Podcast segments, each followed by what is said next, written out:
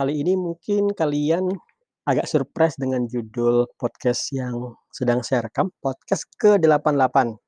Jadi inget Saras. Oke, next. Mmm, yaitu kontennya adalah bagaimana cara membangun perusahaan. Kamu masih mikir, kenapa remote worker membangun perusahaan? Oke, kalau kamu masih 9 to 5, jangan pernah berpikir membangun perusahaan, kecuali kamu punya rekan sehingga kamu hanya berperan sebagai pendanaan. 9 to 5 loh ya. Or, kamu meluangkan waktu ekstra di akhir minggu untuk membangun perusahaanmu. Kenapa? Karena membangun perusahaan itu bukan sesuatu yang ringan. Bukan bukan seringan nembus remote work. Itu 2 hal yang berbeda. Nembus remote work mungkin bagi teman-teman yang belum berhasil rasanya berat. Tapi percayalah, membangun perusahaan itu jauh lebih berat lagi. Oke. Nah, kenapa saya mengatakan dengan basis remote work, kamu bisa mudah membangun perusahaan ketimbang kamu 9 to 5, adalah pertama karena satu hal, ada kebebasan waktu dan kebebasan tempat. Kalau kamu 9 to 5, kamu harus kantor jelasnya onsite. Gimana cara bangun perusahaan kalau kamu masih bolak-balik kantor dan juga ngabisin waktu di transportasi. Itu berat banget kan? Bisa dibilang nggak mungkin. Tapi kalau kamu remote work, kamu di rumah. Waktumu minimal 5 jam itu lebih banyak tersimpan untuk dirimu sendiri ketimbang kamu 9 to 5. Artinya 5 jam PP bisa kamu pakai untuk memikirkan perusahaan yang mau kamu bangun. Itu yang paling utama, kenikmatan waktu luang. Kan Rasulullah juga pernah bersabda, nikmat yang sering diabaikan itu di antaranya adalah nikmat waktu luang. Oke, nah anggap sekarang kita sudah punya waktu luang. Apa yang akan kamu lakukan? Saya beri satu petunjuk gampang, yang gratis. Kalau kamu pengen bangun perusahaan, jangan buru-buru mikir notaris, bangun gedung, dan lain sebagainya. Itu zaman sekarang useless. Yang perlu kamu bangun adalah Facebook page. Oke, Facebook page gratis. Kamu punya ide nih, pengen buat sesuatu, namanya apalah, katakanlah Remote Worker Indonesia Persada Nusantara. Oke, gemilang. Udah kamu buat aja Facebook page-nya, kan gratis tuh. Facebook page Remote Worker Indonesia Persada Gemilang. Udah, sudah punya Facebook page, kamu sudah mengamankan Facebook page-nya lagi Facebook page-nya. Bahkan kalau kamu sedikit bayar, kamu bisa langsung mengamankan domainnya, yaitu Remote Worker Indonesia Persada Gemilang.id, misalnya kayak gitu. Sudah diamankan. Kalau diamankan ini artinya apa? Artinya, andai pun nanti di masa depan ada perusahaan ada orang yang ingin bangun perusahaan dengan nama yang sama, dan meskipun dia kekeh di Kemenkumham untuk bangun PT, ya biarin aja. Kita sudah punya domainnya lebih dulu. Jadi nanti yang kelihatan ni niru malah yang bangun PT-nya itu, yang legalnya itu. Padahal kita gratisan sudah punya Facebook page, sudah punya domain. Kita yang akan dinilai lebih dulu. Kenapa? Karena kita jelas lebih dulu membangun itu, membuat create page atau reserve domain di internet. Gratis kan? Oke. Jadi kamu mikir bangun PT legalitas tuh nanti aja, itu ribet banget. Dah. Kedua, apa yang kamu lakukan? Nah, inti dari membangun perusahaan adalah cash flow. Yaitu orang mau bayar. Itu luar biasa penting dan luar biasa susah. Susah banget loh. Sampai ada orang ngemis ya, ada orang ngemis di jalan atau ada orang yang lebih ekstrem lagi orang melakukan tindakan kriminal, membunuh. Kenapa? Karena membuat orang mengeluarkan uangnya secara sukarela itu bukan hal yang ringan. Kalau maksa ya mungkin gampang lah ya, atau ngemis lah ya, kamu tinggal pura-pura wajah susah, ngemis ke di depan Indio Indomaret, atau datang ke tem teman kantor, wajah pasang wajah memelas, ngutang, atau minta deh kalau kamu nggak malu. Itu sulit kan? Sulit sulit banget. Jadi ingat zaman dulu saya kuliah, saya paling sering ngutang sama teman saya, namanya Muhammad Lukluk dan Adam, Daeng Pagesa. Wah, saya sering ngutang-ngutang kecil-kecilan untuk beli burjo dan lain sebagainya. Tapi saya bayar, saya bayar kok setiap dapat proyek saya bayar. Nah, tapi itu membuat saya tahu bahwasanya membuat orang mengeluarkan uang dengan sukarela itu nggak mudah. Nah, inti dari perusahaan adalah cash flow. Kamu jangan nggak usah mikir membuat sesuatu yang sosial loh ya. Yang penting aku kontribusi. Kontribusi itu nanti. Kontribusi itu intinya adalah cash flow. Cash flow juga. Sehingga kamu ada CSR. Kas. Apa namanya? sos company social sociability uh, respon. Jadi intinya kewajiban perusahaan adalah sosial, tapi intinya kamu harus mempersiapkan cash flow terlebih dahulu. Nah, inti dari cash flow berarti ada kamu harus menjual sesuatu. Kamu menjual sesuatu kadang-kadang kamu bingung, apa yang mau kamu jual? Ya nggak usah maksa, rileks aja. Lihat di lihat di Facebook page teman-teman. Jadi Facebook itu dipakai untuk belajar loh ya, dipakai untuk bangun sesuatu yang baru, dipakai untuk menyerap hal-hal yang positif. Kamu lihat, kamu follow teman-teman yang Facebooknya itu positif-positif aja, jangan jangan follow teman-teman yang cuman share-share capres-capres politik, hujat sana hujat sini, debat, nggak penting. Kamu nggak ada yang bisa kamu pelajari.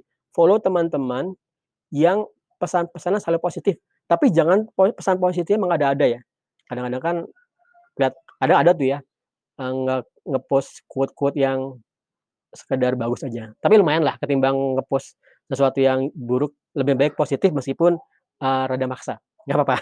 Nah, kamu follow aja teman-teman yang positif, teman-teman yang punya perusahaan, punya startup, desainer, programmer. Jadi apa? Jadi kamu nggak perlu repot-repot cari ke internet bahannya apa. Tinggal pantau teman-temannya, tinggal pantau teman-temanmu tadi yang kemudian dia ngepost sesuatu, yang dia post adalah knowledge yang dia dapat dari internet. Kemungkinan kamu nggak akan bisa menemukan knowledge seperti itu, karena itu butuh expertise.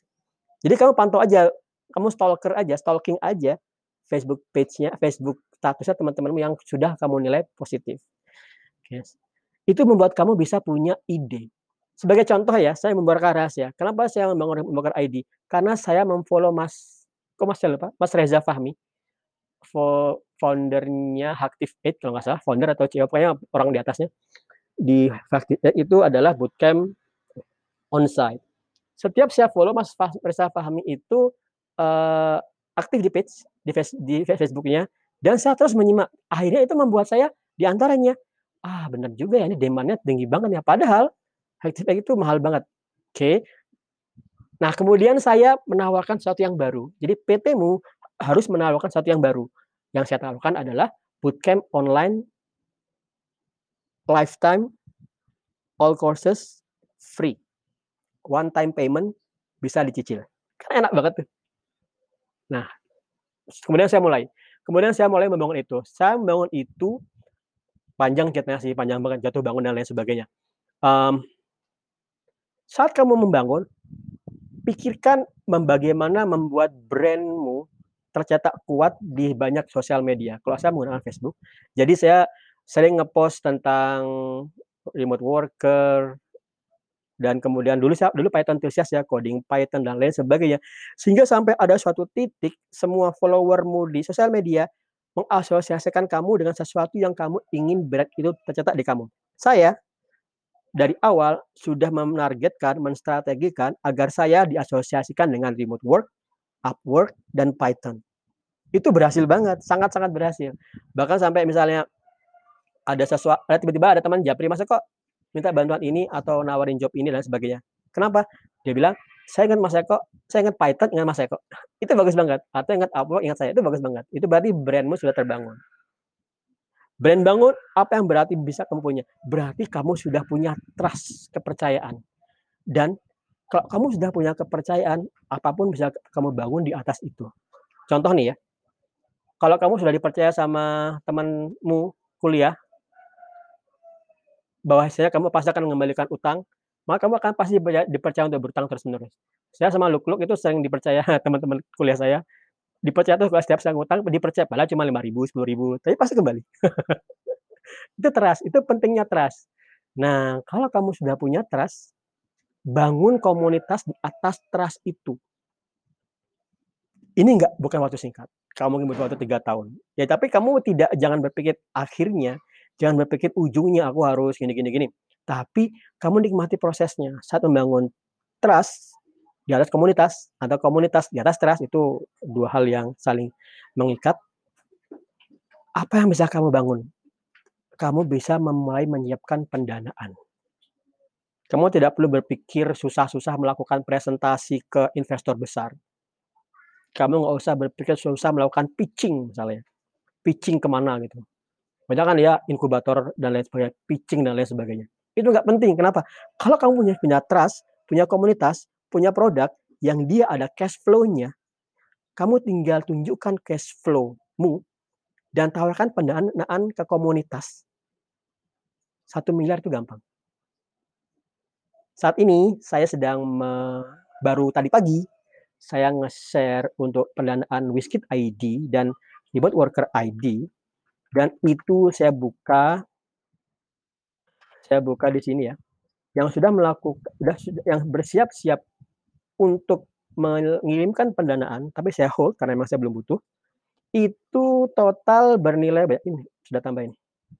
Bernilai sebentar. Ada yang masuk kan 5.000 harusnya 5 juta. Sudah bernilai 97 juta. 97 juta dana yang terkumpul tanpa saya melakukan pitching. Kamu pikir, "Wah, kok gampang banget?" Itu nggak gampang. Kenapa? Karena seperti saya sampaikan, saya sudah mempersiapkan semua itu dari 3 tahun yang lalu. Jadi teman-teman kamu, kalau kamu ngelihat saat ini mendengar podcast saya dan kamu di Facebook uh, temanan dengan saya dan kamu mendengar podcast ini, maka ketahuilah kamu sudah saya program dari awal membaca satu saya untuk sekarang siap melakukan pendanaan. Sadis ya? itu strategi, itu strategi saya. Jadi kalau kamu tanya, "Mas, kok Mas Eko nggak ikut inkubator dan lain sebagainya, tapi bisa menghasilkan pendanaan, kenapa?" Karena dari tiga tahun yang lalu saya sudah melakukan strategi agar pada saatnya nanti saya bisa melakukan memetik hasil dari semua post-post saya di Facebook, semua sosial personal branding yang saya lakukan, dan lain sebagainya. Ini rahasia. Tapi sudah saya buka, bukan rahasia lagi. Maka sekarang rahasia yang saya buka, coba ikuti hal-hal yang sederhana yang bisa kamu lakukan, sehingga pada saatnya nanti kamu nikmati prosesnya, tiga tahun atau empat tahun lagi kamu akan punya perusahaanmu sendiri. Oke? Semoga bermanfaat dan good luck.